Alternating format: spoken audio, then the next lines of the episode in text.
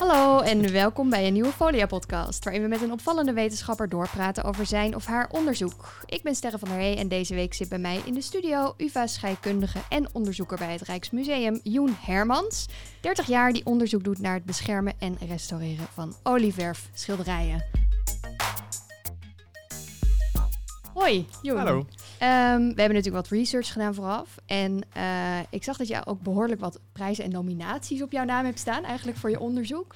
Eh, je was finalist van Fame Lab, volgens mij, pitchwedstrijd voor beta-wetenschap. Eh, je hebt vorig jaar een VENI-beurs gekregen Klopt. van de Nederlandse Organisatie voor Wetenschappelijk Onderzoek, de NWO. en je maakt de kans om het New Scientist wetenschapstalent te worden. Ja. hoe is dat? Eh, ja, dat zijn allemaal grote eren natuurlijk. Het is, eh, zeker die beurs is natuurlijk heel erg fijn. Daarmee kan je gewoon eh, drie jaar onafhankelijk onderzoek doen. Ja. En dat is de meest ideale positie als wetenschapper om in te zitten. Dat is eh 250.000 euro. Dus daar Kijk. kun je, nou ja, kun je eigen salaris drie jaar mee betalen en wat extra's voor nou ja, benodigdheden in het lab en zo. En dat is heel fijn, want daarmee kun je redelijk onafhankelijk onderzoek doen. Je hebt, nou ja, je moet je project uitvoeren, maar je kunt redelijk je eigen gang gaan en je eigen Ja. idee ontwikkelen. En eh, je daarmee een beetje vestigen op de wetenschappelijke kaart, als het ware. En ehm, je doet onderzoek naar het, ik zei het al, het beschermen en restaureren van olieverfschilderijen. Eh, waarom is dat zo belangrijk? Ehm, het is heel belangrijk omdat, ja, eigenlijk net als alle materialen, olieverf is geen uitzondering, ehm, alle materialen vergaan gewoon op den duur. En heel veel materialen die we maken, spullen die we maken, zijn niet echt gemaakt om heel erg lang goed te blijven. Ik bedoel, als je, je- als je je muur in je huis schildert, dan verwacht je dat je dat over een jaar of tien nog een keer gaat schilderen. Ja, Maar ja, helaas. maar ja, helaas.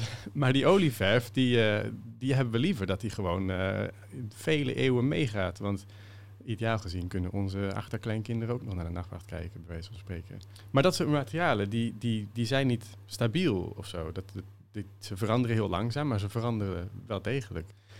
Je kunt er, eh, je kunt er geld op inzetten dat het- hoe wij nu naar Vermeer kijken niet precies hetzelfde doek is als die Vermeer ooit heeft geschilderd. Nee, want ik las Dus- ook ergens dat je had geschreven... de zonnebloemen van eh, Van Gogh, die zien er nu anders uit... dan eind 19e eeuw toen ze werden geschilderd. Die kans is heel groot, ja. Dat is, eh, sommige van die pigmenten die bijvoorbeeld Vincent van Gogh heeft gebruikt, die zijn, ja, nou, er zijn, langzame veranderingen die daarin plaats kunnen vinden, waardoor de kleuren een beetje kunnen veranderen. En dat verschilt heel erg per schilderijen. Sommige schilderijen zullen waarschijnlijk heel dicht, in, heel dicht zitten bij het origineel, maar sommige ook niet. En ja, je wil natuurlijk heel graag weten, ah, wat is daar veranderd? Dus hoe moeten we naar zo'n schilderij kijken? Ja. Maar ook, eh, wat gaat er in de toekomst nog gebeuren? Want misschien willen we dat wel minimaliseren, hoe dat in de toekomst gaat veranderen. Kun je een voorbeeld geven van zo'n schilderij... waarvan je eigenlijk bijna zeker weet dat er best wel wat verandering heeft plaatsgevonden? Nou ja, het is bijna elk, elk schilderij wel. Maar een, een heel typisch voorbeeld, bijvoorbeeld waar, waar er geen enkele twijfel over mogelijk is, daar is, is iets veranderd, is dat een heel mooi klein schilderijtje wat in het Rijksmuseum hangt, eh, de asperges van Mhm. eh, Adriaan Koort. Ik weet niet of je het kent. Het is zo'n bundeltje asperges wat zo'n beetje raar op de hoek van een tafel gebalanceerd Oh ja. ligt. En daarvan, als je daar goed naar gaat kijken, en je moet het wel een beetje weten, maar als je het ziet, kun je het niet meer ontzien, als het ware, is dat de, de onderkantjes van die asperges, die schijnen eigenlijk heel erg door. Dus we zien de, de, de zwarte achtergrond van het schilderij, zien we gewoon door de onderkant van die asperges Oh, heen ja. schijnen. En dat, ehm, we weten dat dat komt omdat dat witte pigment waar die asperges mee geschilderd zijn, dat is voor een deel gaan reageren en voor een deel vervallen. En, eh, en daardoor zit er gewoon veel minder pigment in. Dus het laat veel meer licht door en daardoor schijnt het allemaal door. Ja, En nou, dat, dat heeft hij niet zo bedoeld. Als in, asperges zijn niet doorschijnend, dat weten we allemaal. Dus, eh, en zeker voor zo'n schilder die juist probeerde om iets hyperrealistisch te schilderen, doe je niet zoiets. Dat, is, eh, dat moet achteraf gebeurd zijn. Ja. en jij zegt nu, we weten dat natuurlijk omdat dat pigment eh, dat is veranderd. Maar Ja. jij zegt dat als scheikundige. Ja. Hoe ontdek je dat nou? Nou, dit heb ik niet ontdekt natuurlijk hoor. Dat, is, dat is, het zijn andere mensen geweest die dat Mm. hebben onderzocht. Maar eh, waar ik bijvoorbeeld heel veel onderzoek naar heb gedaan, ook tijdens mijn promotieonderzoek, is wat nou precies de chemische reacties zijn die ervoor zorgen dat zo'n pigment oplost. Waarom dat weggaat. Ehm, dus het blijkt dat eh, dat witte pigment, waar die asperges mee geschilderd zijn, dat noemen we loodwit, dat dat kan reageren met ehm, componenten van het bindmiddel, dus de olie in de olieverf.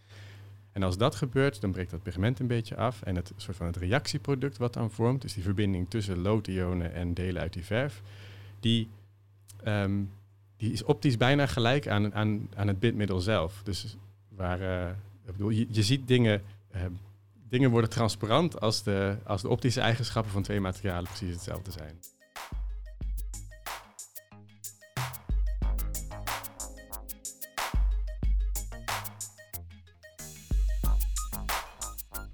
Er zijn ontzettend veel verschillende reacties die kunnen plaatsvinden. Dat is een van de dingen die dit soort onderzoek zowel heel erg uitdagend en ingewikkeld maakt, als ook eigenlijk wat het zo leuk maakt is dat er zoveel variatie zit in die schilderijen. Ik bedoel, elke schilder schilderde weer met andere verf. Of nou ja, voordat er tube, tubeverf bestond, maakten alle schilders hun eigen verf. Dus iedereen had zo zijn eigen trucjes van hoe ze dat deden en hoe ze precies die verf kregen waar zij lekker mee schilderden. Maar dat betekent ook dat geen enkel stukje verf is hetzelfde. Dus wil je snappen waarom één stukje verf is verouderd, ja, dan, dan moet je toch een beetje in de geschiedenis duiken, maar ook proberen ja, algemene globale trends te gaan zien. En van nou ja, als er grofweg dat soort technieken zijn gebruikt, dan zien we vaker die problemen. En dat Ja. moet je uit elkaar zien te puzzelen. Kun je eigenlijk nog op een normale manier voor de nachtwacht staan? Of zie je dan alleen maar ehm, druppeltjes? eh, Ja, je krijgt en een beetje beroepsinformatie. Dat is zeker aan de hand. Dus ja, ja het gebeurt nog wel eens dat ik eh, in een museum een beetje te dicht op de schilderij ga staan, omdat ik de kleine puntjes wil zien die, eh, de, die de sporen zijn van degradatie. En dan komt er zo'n post naar je toe die zegt, nou, blijf maar een beetje verder weg. het gebeurt me nog wel eens. Ehm, maar ja dat, ja, dat krijg je met... ehm, En dan zeg je, ik ben wetenschapper. Ja, dat probeer ik wel eens, maar dat werkt niet zo. Maar gelukkig had ik wel het voorrecht dat ik recentelijk wel met mijn neus op de nachtwacht mocht staan. Dat is natuurlijk een ontzettend mooie kans als een chemicus als ik.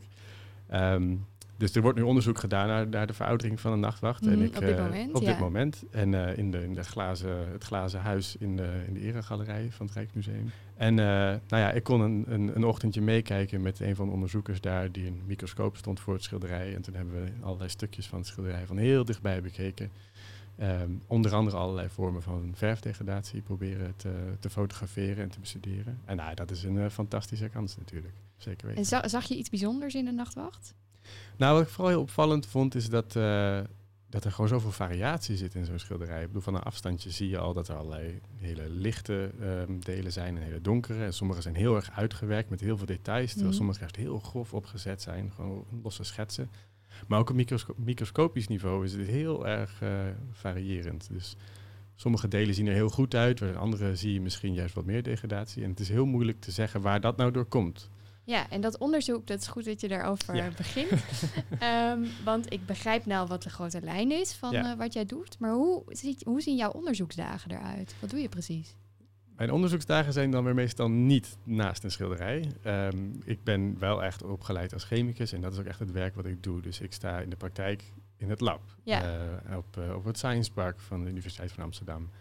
En ehm, om, om fundamenteel te snappen hoe die chemie van zo'n olieverf nou precies werkt, kun je niet jezelf beperken tot monsters uit echte schilderijen. A, omdat je niet eindeloos stukjes wil gaan snijden uit schilderijen, want ja, die houden we liever op het doek. Gebeurt dat wel eens? Het gebeurt wel. Hele kleine monstertjes worden er genomen. Want dat heb je soms gewoon nodig om te kunnen analyseren wat er precies in zo'n verf zit. Maar dan echt van een centimeter of zo? Oh, veel kleiner. Echt, je kunt ze nauwelijks met blote oog zien. Het zijn echt minuscule fragmentjes. Dat ga je als bezoeker nooit, nooit zien. En dat is gebeurd ook bij bekende schilderijen? Alle schilderijen ongeveer. Alles wat een keer gerestaureerd is, daar zijn hele kleine afgehaald. monstertjes van echt een halve millimeter of zo zijn eruit gehaald. En die kunnen we, daar kunnen we heel veel analyses aan doen, zeker weten.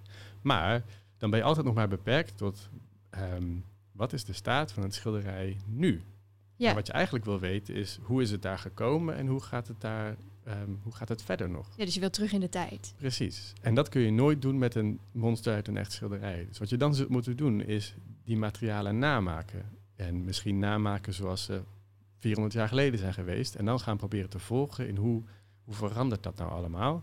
Maar dan liefst wel iets sneller dat, dat, dat je geen 400 jaar hoeft te wachten voordat je resultaat hebt. Ja, dat zou lang duren. Dat zou heel lang duren. Dus soms bijvoorbeeld moeten we wat chemische trucs verzinnen om juist in het midden te beginnen. Dus dan in plaats van eh, een stukje verf nemen en die verouderen door het wat warmer te maken of wat vochtiger of zo, synthetiseren we soms juist gewoon iets wat moleculair gezien eigenlijk al een oude verf is. In één dagje kunnen we iets maken wat chemisch gezien eigenlijk bijna hetzelfde is als verf wat al 100 jaar op het doek zit. En dan kun je daar beginnen en kijken hoe het dan verder gaat. Dus je versnelt eigenlijk de tijd. Ja, is eigenlijk wel. Dat is eigenlijk eh, een van de belangrijkste ehm, dingen die we doen. En ook een van de meest uitdagende dingen om te doen. Ja, en jij kijkt dus echt onder de microscoop naar een stukje, ja, na- nou, niet een echt stukje schilderij, maar een stukje nagemaakt schilderij. Komt daar dan ook echte ehm, olieverf bij eh, aan te pas? Ehm, het, het lijkt heel erg op olieverf. Dus eh, ehm, bijvoorbeeld de meeste olieverf is gemaakt met, een, eh, met lijnzaadolie bijvoorbeeld. En we gebruiken ook gewoon echte lijnzaadolie daarvoor. Want dat is toch het beste model als het ware. En we gebruiken ook echte pigmenten. Maar bijvoorbeeld dan gebruiken we maar één pigment. Oh ja. Of we gebruiken alleen maar eh, componenten daarvan. Of we, we kijk- kijken bijvoorbeeld, kunnen we die olie zo aanpassen dat we één voor één verschillende chemische elementen daaruit halen om te kijken of dat dan uitmaakt. Kijk, de, de essentie van elk wetenschappelijk onderzoek is meestal proberen ehm, je parameters heel goed te controleren. Dus kijken van als ik nou maar één dingetje varieer, hoe verandert dan iets wat ik zie? Want dan kun je het daaraan toeschrijven. Ja. Dat is ja, de essentie van een wetenschappelijke methode, jullie Ja. gezien. Maar dat is vaak heel uitdagend in zo'n complex systeem als een echte olieverf. Hoe zorg je nou dat je maar één dingetje verandert? Dus inhoudelijk is het vaak gewoon de allergrootste uitdaging om te zorgen dat je ehm, waar je onderzoek naar doet, dat, dat je conclusies als het ware ook gelden voor dat echte schilderij. Dus ik, ik kan bijna nooit onderzoek doen aan echte stukjes schilderij, maar moet wel zorgen dat de conclusies die ik in het lab trek, dat die ook geldig zijn voor dat echte schilderij. Ja, dus je nepschilderijtje. Ja. Precies. Dus de, de soort van de kwaliteit van je model zou je kunnen zeggen. En dat is vaak heel erg moeilijk. En dat, daar gaat soms eh, nou ja, jaren overheen voordat je denkt van nou, nou, nou vind ik dat die conclusie wel ergens op slaat.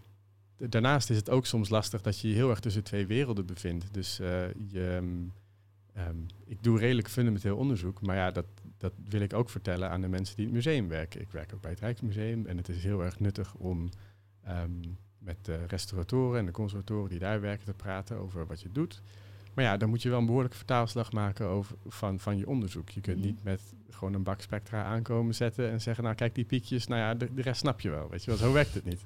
En dat, dat is een, best wel een grote uitdaging, maar ook wel een van de leukste dingen. En dat dwingt je ook anders aan je onderzoek te kijken en steeds te bedenken, wat, wat, wat hebben jullie hier nou aan? Waarom, waarom zouden jullie naar mij moeten luisteren? En dat, eh, dat is soms een uitdaging, maar ook heel erg leuk. Ja, en, en ehm, wat hebben we eraan?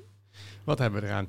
Ehm, uiteindelijk is het belangrijkste dat restauratoren verder kunnen met hun werk. Dus zij hebben allerlei vragen eh, die heel erg moeilijk te beantwoorden zijn. Bijvoorbeeld, wat is het risico van de dingen die ik in de studio doe als je een schilderij gaat schoonmaken of gaat restaureren? Loop je dan risico om iets te ehm, degradatie erger te maken op lange termijn? Of kun je dat veilig doen? Ja, Of ehm, ja, hoe heeft een schilderij er origineel uitgezien? Dat zijn ook heel vaak eh, belangrijke vragen. En uiteindelijk moet mijn onderzoek daar wel een, deels een antwoord op kunnen, op kunnen geven. maar is het niet zo dat we elk schilderij dan eigenlijk anders zouden moeten behandelen? Er gaat waarschijnlijk wel variatie in zitten, ja. Er zijn wel, er zijn wel trends te ontdekken natuurlijk. Het is, eh, het is niet allemaal eh, steeds anders. Maar dat is precies iets wat bijvoorbeeld nu eh, bijna aan de orde is voor mijn eigen onderzoek. Dat, ehm, omdat we de moleculaire structuur nu heel goed beginnen te stappen, snappen van heel veel verven, eh, beginnen we nu te zien van, nou ja, als er één bepaald piekje in een bepaald spectrum zit, dan betekent dat dat die verf waarschijnlijk reactiever is.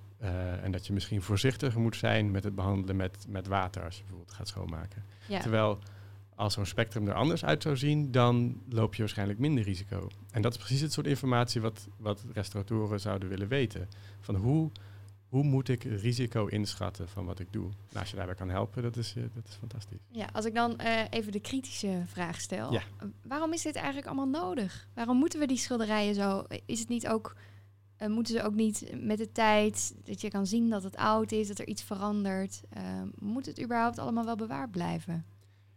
Ehm, ik vind dat een hele terechte vraag. En er zijn ook ehm, binnen de kunstwereld zijn daar verschillende meningen over. Ik weet dat er kunstenaars zijn, vooral in de moderne kunst, dus kunstenaars die we nog kunnen ondervragen. Zijn er kunstenaars die zeggen van, nou ja, eh, doe maar niet, laat het maar vervallen. Het is, eh, het is een ding en we gaan allemaal dood en mijn kunst eh, mag ook ten onder gaan als, Ja. het, als die tijd daar is. En daar is op zich wel iets voor te zeggen. Het kost veel moeite om iets te restaureren. Maar aan de andere kant denk ik ook dat er wel aardig wat consensus voor te vinden is dat er ook kunstwerken zijn die, gewoon, die we zeker moeten bewaren. Het is wat er nu in het Rijksmuseum hangt, om maar een voorbeeld te noemen, dat is toch wel een behoorlijk goede documentatie van de Nederlandse culturele, culturele geschiedenis van de afgelopen eeuwen. Ja. En dat vormt een heel belangrijk deel van de identiteit van ons als, nou als cultuur. En dat geldt voor heel veel andere landen natuurlijk net zo. Als je dat zomaar kwijt zou raken en het, het brokkelt af en het ligt op de grond en eh, nou ja, je kunt het opwegen, dan, eh, dan denk ik dat je wel echt iets hebt verloren. Het kost heel veel moeite om goede restauraties uit te voeren en goed te conserveren. En er, zu- zullen altijd eh, dingen verloren gaan. Ik denk dat je dat niet kan voorkomen. Maar ik denk dat een de belangrijke collecties, dat je daar wel energie in moet steken. Ja. Ja, ja. Ben jij ook opgevoed met kunst? Was je als, eh, als kind ook al bezig met schilderijen of ehm, eh, met kunstwerken? Nou ja, gek genoeg zit, zit ik in de familie vol met kunstenaars, maar zelf eh, was ik er nooit eentje van. Nee, tot nu. tot nu een Bijna, beetje, ja, ja. via de achterdeur nog eens een keertje. Ja. Dus ja, nee, mijn, mijn ouders hebben allebei kunstacademie gedaan en mijn zus en eh, eh, alle broers en zussen van mijn moeder. Iedereen heeft er heel veel van meegekregen. Het zijn allemaal goede tekenaars en, en, ja, en kunstenaars. Ehm, en zelf was ik, ik hield wel van fotografie, maar voor de rest was ik meer van het observeren dan van het, eh, van het zelf uitvoeren. Mhm. Nou ja, en toen een hele scheikunde later kwam ik via de achterdeur toch, eh, toch de kunstwereld binnenlopen. Toch nog daar terug. Ja, heb je Ja. thuis nu wel iets aan de muur hangen aan schilderijen? Of Eh, eigenlijk alleen werken voor mijn vader.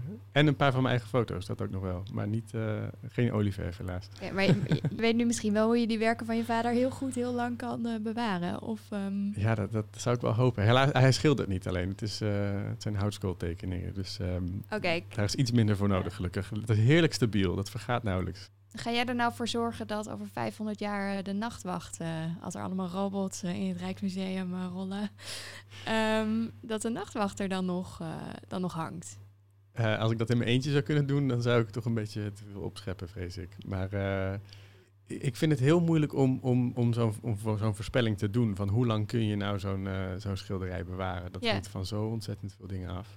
Ehm, maar als, als de goden mij gunstig gezind zijn en ik kan dit onderzoek nog een paar decennia doorvoeren, dan denk ik wel dat het een impact heeft. Zeker weten. Ja. Het is, eh, het, het- we hebben geen gebrek aan ideeën over hoe we dit moeten aanpakken. Het is echt meer een kwestie van, nou ja, we moeten nu gewoon de uren maken en de, de onderzoeken uitvoeren. En eh, zorgen dat we een beetje uitdijen als, als groep mensen die naar dit soort dingen onderzoek doet. En dan, eh, dan gaan we zeker een verschil maken. Want je zegt we moeten een beetje uitdijen. Heb je nog tips voor mensen die overwegen, studenten die overwegen om dit vakgebied in te gaan? Ehm, afhankelijk van wat je voorkeuren zijn. eh, als je dit soort onderzoek wil uitvoeren en je wil iets bijdragen aan het behoud van schilderijen, dan zou ik echt scheikunde gaan studeren. Dat is toch eigenlijk het aller, allernuttigst. Eh, gewoon een goede fundamentele kennis van materialen en hoe reactiviteit werkt en al dat soort ongein. Dat is het, dat is het allerbelangrijkste eh, waar we, waar we echt verder mee kunnen. En nou ja, als er studenten zijn eh, die al scheikunde studeren en die een, een leuk project zoeken voor een onderzoek, we hebben echt eh, stapels liggen. Dus dat is geen enkel probleem. Dan hou jij je aanbevolen. Ja hoor, zeker weten. Goed. Dankjewel voor je komst en eh, bedankt voor het luisteren ook. Heb je nou een tip of zou je ook graag de gast willen zijn in deze podcast? Reageer dan even in de comments hieronder of stuur een mailtje naar redactie.folia.nl. We ontvangen reacties altijd graag. Dankjewel voor het luisteren en tot de volgende keer.